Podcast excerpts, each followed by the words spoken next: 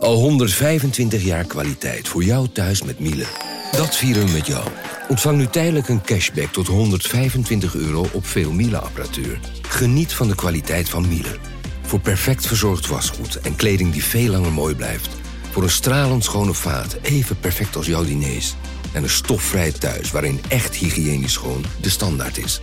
Check miele.nl voor alle feestelijke aanbiedingen.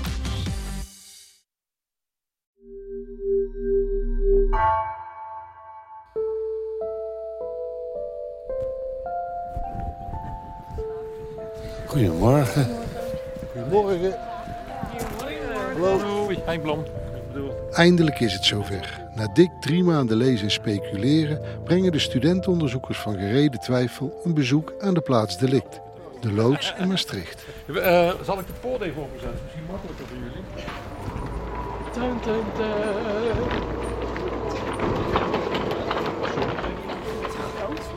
Oh, ja, dat bedoel ik. Wat? Lager ingeschat. De studenten krijgen een rondleiding van Henk Blom, de eigenaar. Tien jaar geleden, toen het lichaam van Guido werd gevonden, was hij dat ook al. Eigenlijk, dat weet ik dus niet. Hè? Maar snap je wat ik bedoel te zeggen? Dat is echt uh, ongelooflijk geweest. Het bloed spatte hier drie meter hoog, dus ik bedoel maar. Zit het er nog? Uh, ik heb nog volgens mij een plek, maar dan moet ik gaan zoeken. dat Dan zie je nog iets zitten. Dan links boven die M, zie je dat? Zie je dat zitten daar? Zo, dat is echt hoog. Ja, en dat was niet op één plek, maar op verschillende plekken hier. En we hebben beneden hebben we een deur. En daar hebben ze het lijk naar buiten gegooid. De politie is toen binnengevallen de eerste keer. Het politieonderzoek op de plaats delict, dus in de loods, speelt een cruciale rol in de veroordeling van Antonio. Maar is dit onderzoek goed uitgevoerd? Of zijn er fouten gemaakt?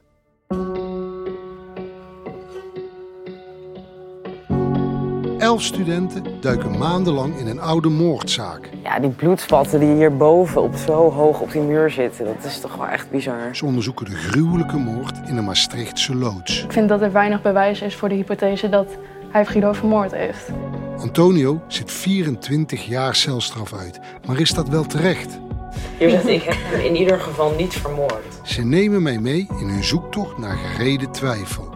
Welke fouten zijn er gemaakt? Ik ben Lorena. Ik ben Jamie. Ik ben uh, Arame. Ik ben Sanne. Ik ben Karen. Ik ben Ruby. Ik ben Dagmar. Ik ben Kimmy. Ik ben Marielle. Ik ben Billy. En ik ben Danja.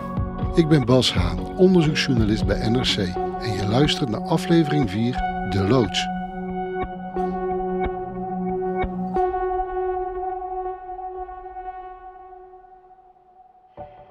De studenten staan midden in een op het eerste gezicht doodnormale woonwijk in Maastricht, die een buitenwijk van iedere Nederlandse stad zou kunnen zijn. Jaren 70 flats aan de ene kant, huizen van een eeuw oud aan de andere. De loods waar het om gaat is meer een flinke garage. Zo een van baksteen met een plat dak en een normale garagerolluik. Nou, jij eerst. ik durf niet echt.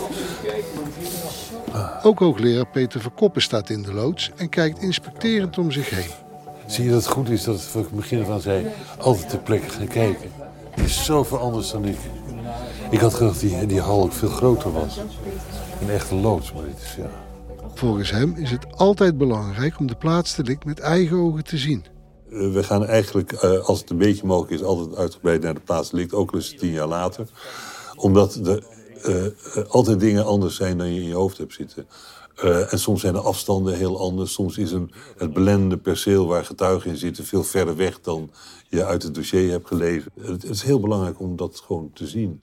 En nu kunnen de studenten de informatie uit het dossier dus vergelijken met wat ze zien in de loods. Ze vuren direct hun eerste vragen af op de eigenaar, Henk Blom. Ze beginnen bij de bandenhandel. Heeft u hier wel eens banden gezien? Nee, nooit. Het was leeg. Er lag een bal volgens mij en een matras en dat was het. Maar hier is een, uh, een badkamer met douche, dus je kunt hier rustig wonen. Als, wat dacht u dan toen u zo dat matras zag liggen? En die... Ja, nou, ik heb er geen gedachten over. Zij huren het, zij betalen. Kijk, uh, als ik bij al mijn huurders moet gaan denken wie wat waar, dan uh, dat gaan we dus niet doen. Hè. Dus dat, ja, zeker bij studenten, dat heb jij gezegd. Mijn naam is Marielle Lassen. De dag uh, dat we naar de loods gingen, daar had ik sowieso naar uitgekeken, omdat het ook in Maastricht was. Ik was zo benieuwd toen ik de foto's had gezien in het dossier van de loods, hoe het er nou ruimtelijk echt uh, uit zou zien.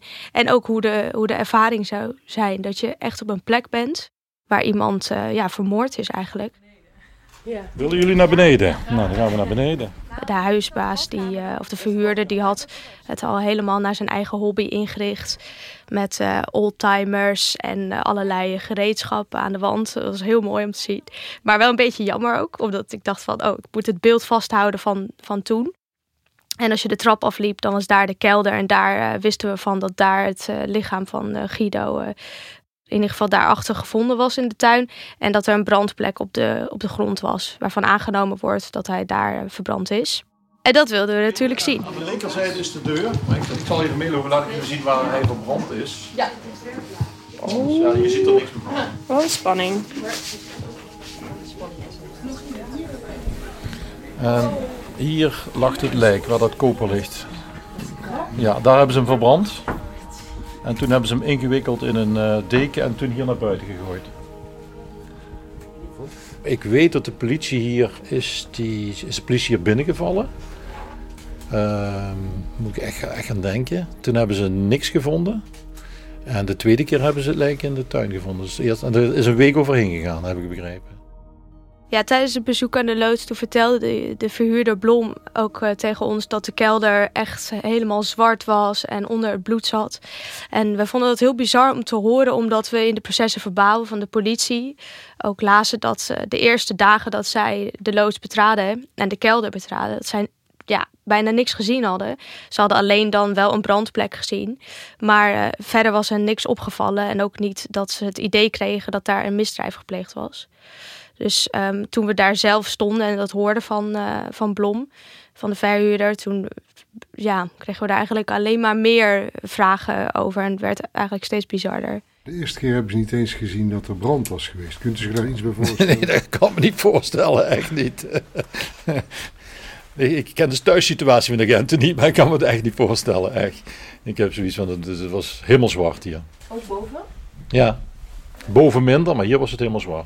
Maar ja, als er geen stroom is, dan kijk je hier even en dan zie je niet veel. Hè? Kijk met zo'n zaklampje, hè, bij wijze van spreken. Hè? Dus dat, dat moet je je wel voorstellen. De studenten nemen hun tijd. Ze maken aantekeningen en foto's. Ze meten lengtes en hoogtes op. Sommige dingen worden nu wat opgehelderd. Maar tegelijkertijd komen er meteen nieuwe vragen op. Want op 11 december de dag dat Guido was vermist werd opgegeven, is de politie meteen in de loods in Maastricht gaan kijken. Hoe kan het dat ze toen niet meteen de brand en het lijk ontdekten? Wat hebben ze daar dan precies gedaan?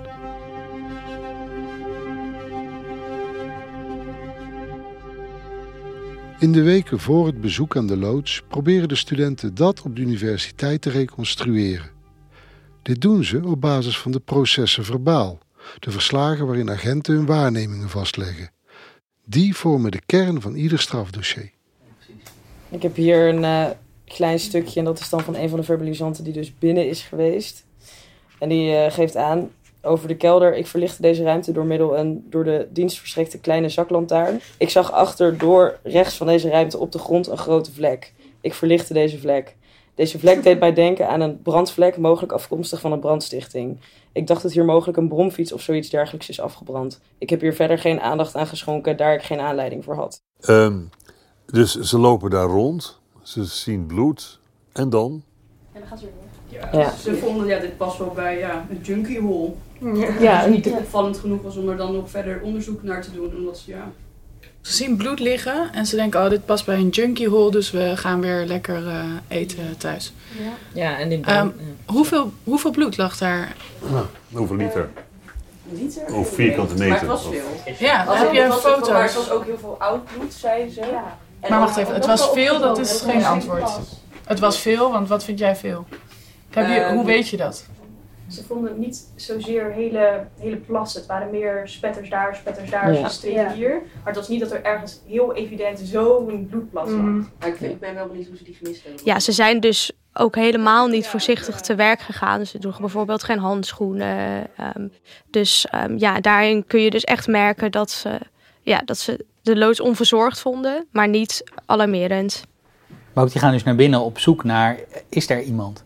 Dus die gaan over door die loods heen lopen banjeren. Ja. Want het is nog geen PD, het is nog niet gecontroleerd. Dus is er dan daarna vastgelegd hoe ze gelopen hebben of waar ze geweest zijn, waar ze aan hebben gezeten. Als de politie onder tijdsdruk een pand binnenvalt, nog voordat duidelijk is dat er een moord gepleegd is, is het logisch dat er dingen misgaan. De situatie bij veel misdrijven is dat er in de eerste plaats komen mensen uh, uniformdienst. Die hebben geen verstand van plaatsen delict, althans in heel beperkte mate.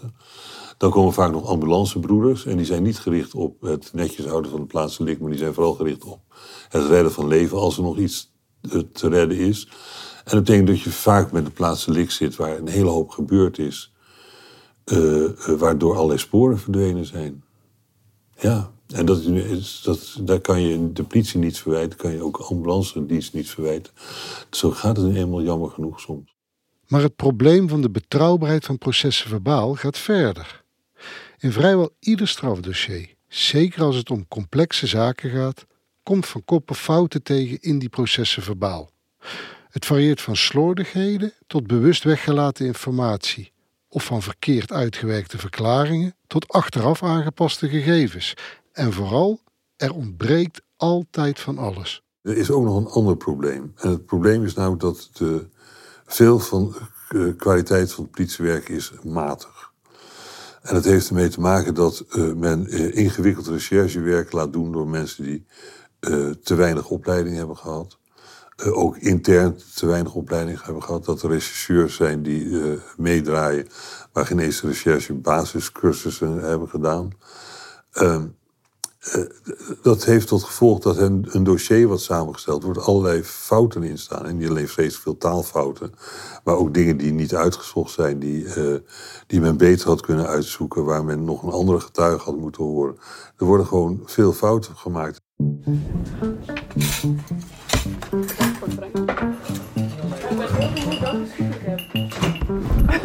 Wat heb jij? Heb jij uh, is het Russisch En jij hebt uh, Oké. Okay. Oh ja, Waarom weet jij niet welke soep juist? Ja, omdat het heel vaag was.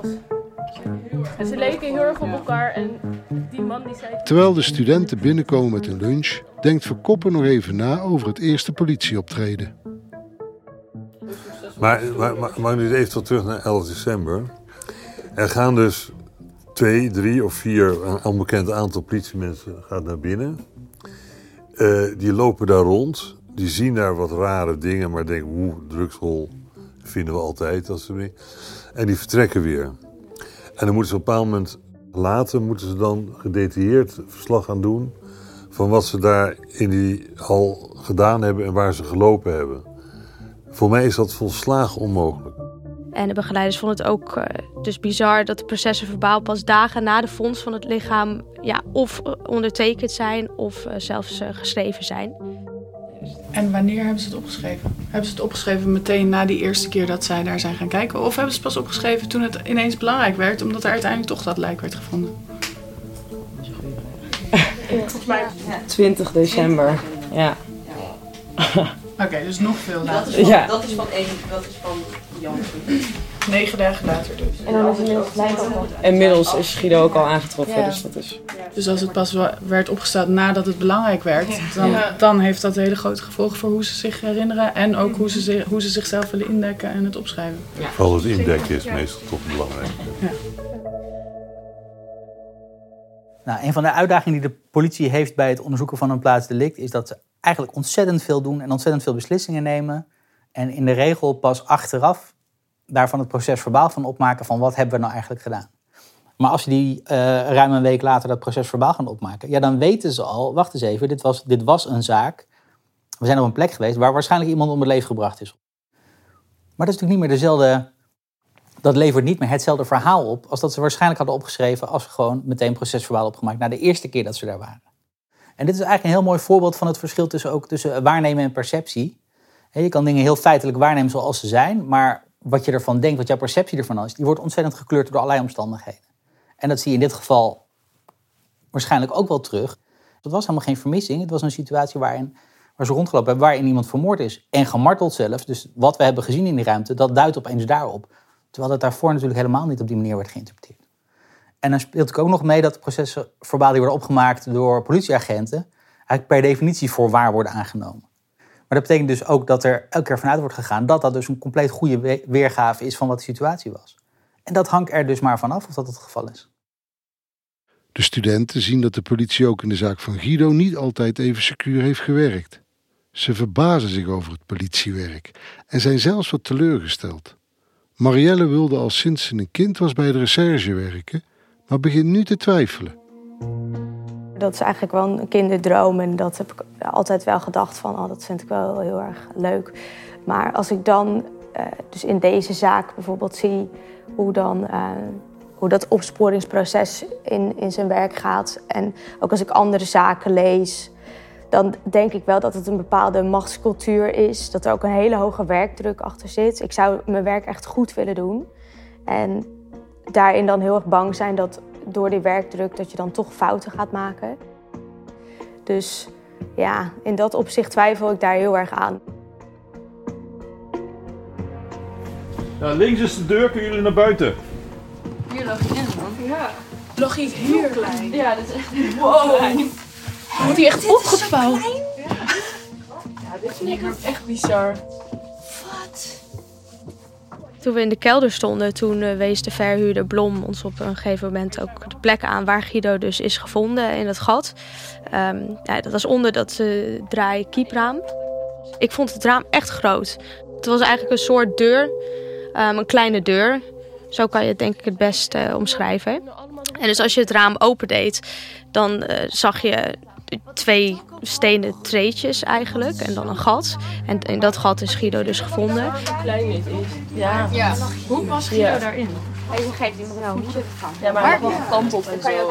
Ik vind ook niet En eh, je keek ook uit op een hele rij huizen achter de loods, die echt dichtbij staan ook. En je ziet dan ook hoeveel ramen ehm, eigenlijk van die huizen ook uitkijken op de loods zelf. En, en op het raam van, van de loods en op die tuin. Nou, het eerste wat ik toen eigenlijk dacht was... oh, de, de mensen moeten iets gezien hebben. Voor selectie Dat ik ook wel zo dichtbij. Ja. Ja, maar ik had Als je daar bezig bent, dan heb je vet veel zicht op Ja. de ramen. Ja.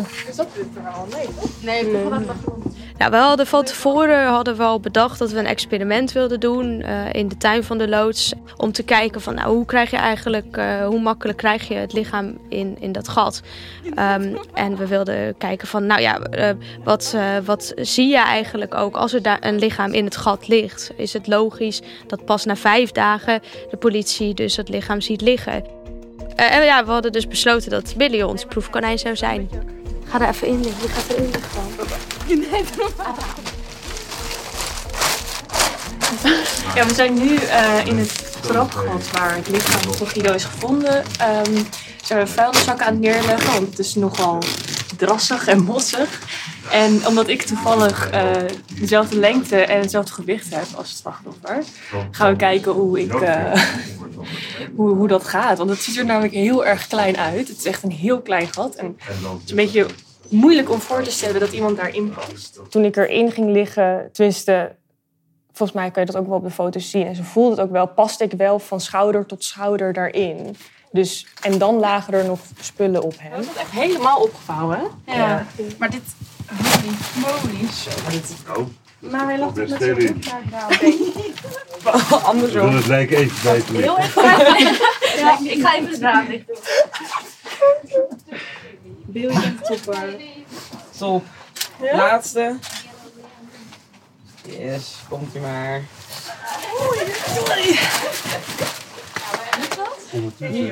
Aan de ene kant vind ik het begrijpelijk dat ze het, als ze het raam niet open hadden gedaan, het niet hadden gezien. Omdat het gewoon ja, een diep gat is en dan kan je iets inleggen en iets eroverheen en dan zie je niet wat daaronder ligt. Maar inderdaad, als ze het raam open hadden gedaan, dan je, je, je stoot er gelijk tegenaan. Het is gelijk na het raam. Dus dat is inderdaad wel dat je dat. Hoe kunnen ze dat over het hoofd hebben gezien? Dat, dat, je, je komt er niet uit zonder dat je op hem zou stappen, zeg maar. Als je op huiszoeking gaat, dan, dan, dan, dan ga je alles af. En ook de tuin. En het was nou niet alsof ze een heel landgoed hadden. Ze hadden een tuin van vier vierkante meter of minder. Dus je had makkelijk even daar kunnen kijken. Ehm, maar ze hebben gewoon geen stap buiten in die tuin gedaan. Na die eerste inspectie van de politie duurt het nog bijna een week voordat het lichaam van Guido in de tuin van de loods gevonden wordt. Maar dan gaat het opeens snel. Meteen die avond wordt Antonio gearresteerd. De studenten bespreken het op de VU tijdens de groepsbijeenkomst. Ja, hij is meteen, de dag dat het lichaam is gevonden, is hij ook meteen opgepakt, toch? Vanwege vingerafdrukken. Ja. Hè? Dat is echt super snel. Ja, nee, dat is echt, echt, echt heel snel. Waar, waar, waar lagen die vingerafdrukken? Op het, uh, op het raam. Ja, die, en die TL met roet, wel of niet op roet en zo. Ja, Kimmy en Billy die vertelden dus dat Antonio meteen was opgepakt omdat zijn vingerafdrukken waren gevonden in de loods. Ja, Maar die- het is om die- vijf uur s'avonds hebben ze die vingerafdrukken gevonden. Daarvoor hebben ze het lichaam gevonden. En de, toen hebben ze dat via een mailtje naar eh, FO gestuurd. En binnen drie kwartier hadden ze een antwoord dat het Antonio was. En een half uur later stonden ze bij Antonio voor de deur. Maar, maar... Dus we hebben vingerafdrukken en we gaan meneer aanhouden. En we hebben vingerafdrukken op een plek. Het is echt het niveau van... Mijn vrouw is vermoord. Mijn vingerafdruk wordt in, in ons huis gevonden. Nee, dat ik- is niet waar, want het zat in het, op het roet. Maar weet, weet de Nou, politie, Dus na, weet de politie dat het erna is? na de brand.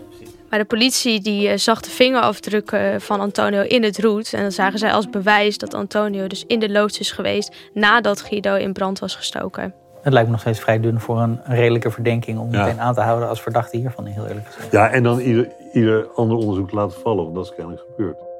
Er zijn ook heel veel vingerafdrukken gevonden die niet bruikbaar waren. Maar daar is dus verder ni- niets mee gedaan. Omdat ze daar geen match mee konden vinden.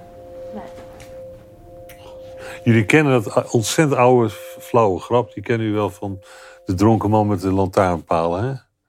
Er staat een dronken man bij een lantaarnpaal en die staat te kijken en houdt zich de lantaarnpaal vast. Want hij is natuurlijk veel te dronken om. Komt een politieman voorbij en zegt: Goh, wat staat u hier te doen? Hij zegt: Nou, ik ben mijn sleutels kwijt. Hij zegt: Goh, bent u hier uw sleutels verloren? Hij zegt: Nee, verderop, maar hier is tenminste licht. En dit is precies wat er hier gebeurt. Nou, we gaan, we gaan hier onderzoek doen omdat we daar een vingerafdrukje gevonden hebben. En we kijken dan verder niet meer verder dan het vingerafdrukje. En ze kunnen best gelijk hebben. Maar dan nog is dat heel beperkt manier van onderzoek. De vingerafdruk in het roet is voor de rechters uiteindelijk een belangrijk bewijsmiddel tegen Antonio. Maar ook voordat die vingerafdruk werd gevonden, was Antonio al de hoofdverdachte van de politie. Sterker, de politie had zelfs al verdenkingen tegen Antonio toen Guido alleen nog maar vermist werd. Dus al voor het lichaam van Guido was gevonden. Waarom? Het is een vraag die Kimmy en Marielle proberen te beantwoorden. Ik denk dat hij in, dat, in die dagen daarvoor gewoon heel vaak werd genoemd. Dus, dus hij, werd, hij was mede-eigenaar van die loods. Hij was daar vaak. Hij was de laatste die hem gezien heeft. Hij wordt best wel vaak genoemd voor de 16e al door andere mensen. In, weet je wel, ook als, hij komt ook in het systeem voor. Dus eh, hij is gewoon heel vaak teruggekomen. Nou, en hij is vaak eh, in aanraking geweest met justitie. Marielle vermoedt dat de politie Antonio direct als verdachte zag, mede op basis van zijn achtergrond. Ik denk dat het is omdat hij en al eerder veroordeeld is. Dus hij past ook in het, eh, in het profiel eh, die de politie eh, misschien wel voor zich had. En ehm, ook dat, ja, dat hij dus al eerder veroordeeld is, maar dat ook hij geïdentificeerd daardoor kan worden in de systemen. Want hij staat al in omdat hij eerder veroordeeld is. Dus is het ook heel makkelijk om hem meteen te arresteren en eh, ja, hem gelijk als verdachte neer te zetten. Eh, het vraagt natuurlijk veel meer tijd om op zoek te gaan naar die onbekende persoon, die er nog niet, nog niet in de systemen blijkbaar stond. En ehm, dat is dan iemand die nog niet eerder in beeld is gebracht. Dus ik vind dat dat ook een signaal is dat hij dus iemand is die verdachte kan worden in zo'n zaak. Blijkbaar heeft hij iets en dat is misschien zijn verleden. Misschien is het ook de manier, hij is vrij bij de hand ook in de verhoren. Ja, het kan natuurlijk ook een soort irritatiefactor zijn dat mensen extra op zoek willen gaan. eh, maar dat er al frustratie bij de verbalisanten zit, ook tijdens de verhoren. Ja, laat wel zien dat het iemand is die eh, daar wel gevoelig voor is. Dat maakt me eigenlijk nog bozer. Want Ja, dan denk ik, wel- stel je voor als het iemand kan nog irritant zijn of zich niet koosje ged- gedragen, maar dat is niet, dat is niet waarvoor je veroordeeld mag worden als je het niet gedaan hebt. In Antonio's zaak blijken allerlei signalen voor te komen die kunnen duiden op tunnelvisie bij politie en justitie. Processen verbaal, waarvan alles op aan te merken is. Bewijzen die minder hard zijn dan ze lijken. En de directe focus op één verdachte. Oké, wat, je, wat je veel in dit soort zaken ziet, waarbij uh, het bewijs kwestieus is, is dat men uh, één bewijsmiddel vindt, hè, DNA van de verdachte op het slachtoffer, of in dit geval vingerafdrukken, waar men dan op basis van het ene bewijsmiddel heel snel naar conclusies springt, terwijl men geen oog heeft voor het samenstel van de bewijsmiddelen. Er is vaak nog een hele hoop ander bewijs. En dat kan een andere kant op wijzen, en dat doet het ook vaak. Wat je hier ziet gebeuren is dat er ehm, uh, men uh, heel partieel de plaatsdelict gedaan heeft. Hè. Dat ze bovendien heel snel een verdachte hadden. En zaken waarin heel snel een verdachte zijn, dan moeten ook voor de politie alarmbellen afgaan. Jongens, pas op, we kunnen wel in de verkeerde weg zitten. En dat betekent dat gewoon als we over drie weken zijn, dat we heel veel bewijs weggegooid hebben, omdat we ons direct gefocust hebben op deze verdachte. En de combinatie van die dingen kan ertoe leiden dat iemand onterecht veroordeeld gaat worden, ja. En als je tegen rechter zegt van ja, de zaak waar u nu over moet beslissen is wel heel slecht uh, opsporingsonderzoek gedaan, dan zie je rechters weer een beetje gelaten kijken. Van ja, jongens, dat zijn we gewend. We zijn gewend dat wij uh, onvoldragen dossiers voor onze neus krijgen. En als rechters nou bij ieder van die onvoldragen dossiers zou zeggen van ja, jongens, hier ga ik niet op beslissen. Uh, het Openbaar Ministerie is niet ontvankelijk dan gaan ze ook een hele hoop boeven uh, onterecht vrijspreken. Dat is een dilemma waar rechters in Nederland gewoon voor zitten. Het politieonderzoek in de loods vlak na de moord op Guido roept dus nieuwe vragen op. En de studenten zijn niet de enigen die daardoor zelfs twijfelen aan de schuld van Antonio. Henk Blom maakte net al een mooie opmerking. Hij denkt dat hij het niet heeft gedaan. Persoonlijk denk ik niet dat ze gedaan hebben. Waarom? Omdat, ja, het waren twee jeugdvrienden van elkaar. Waarom zou Antonio zijn beste vriend martelen en vermoorden? In de loods waar ze samen verbleven. Um, laat ik zo zeggen, als je ziet wat hier gebeurd is op martelgebied, kan ik me niet voorstellen dat jij je beste vriend zo toetakelt. Ondanks dat hij met je vrouw weg gaat of iets dergelijks. Dat weet ik dus niet. Hè? Maar snap je wat ik bedoel te zeggen? En zou dan niemand gehoord hebben wat er in die loods gebeurde?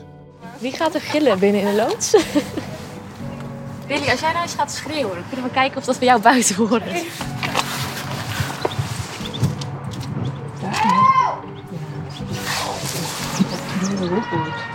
Ik ga stuk. Maar ik ben nu wel benieuwd als wij daar slaan. Dat dan ook Maar ik denk dat omdat het winter is en daar ook waarschijnlijk, denk ik, de ramen ook gewoon dicht. Het is niet natuurlijk hartje zomer dat de ramen lekker openstaan dat mensen je daar kunnen horen. Maar het een stuk moeilijker. Maar dat zicht, kijk, het geluid, dat kan ik me voorstellen. Ik kan me toch niet voorstellen hoeveel mensen hier toch wonen dat niemand iets gezien heeft. Klopt dat? Heeft niemand iets gezien?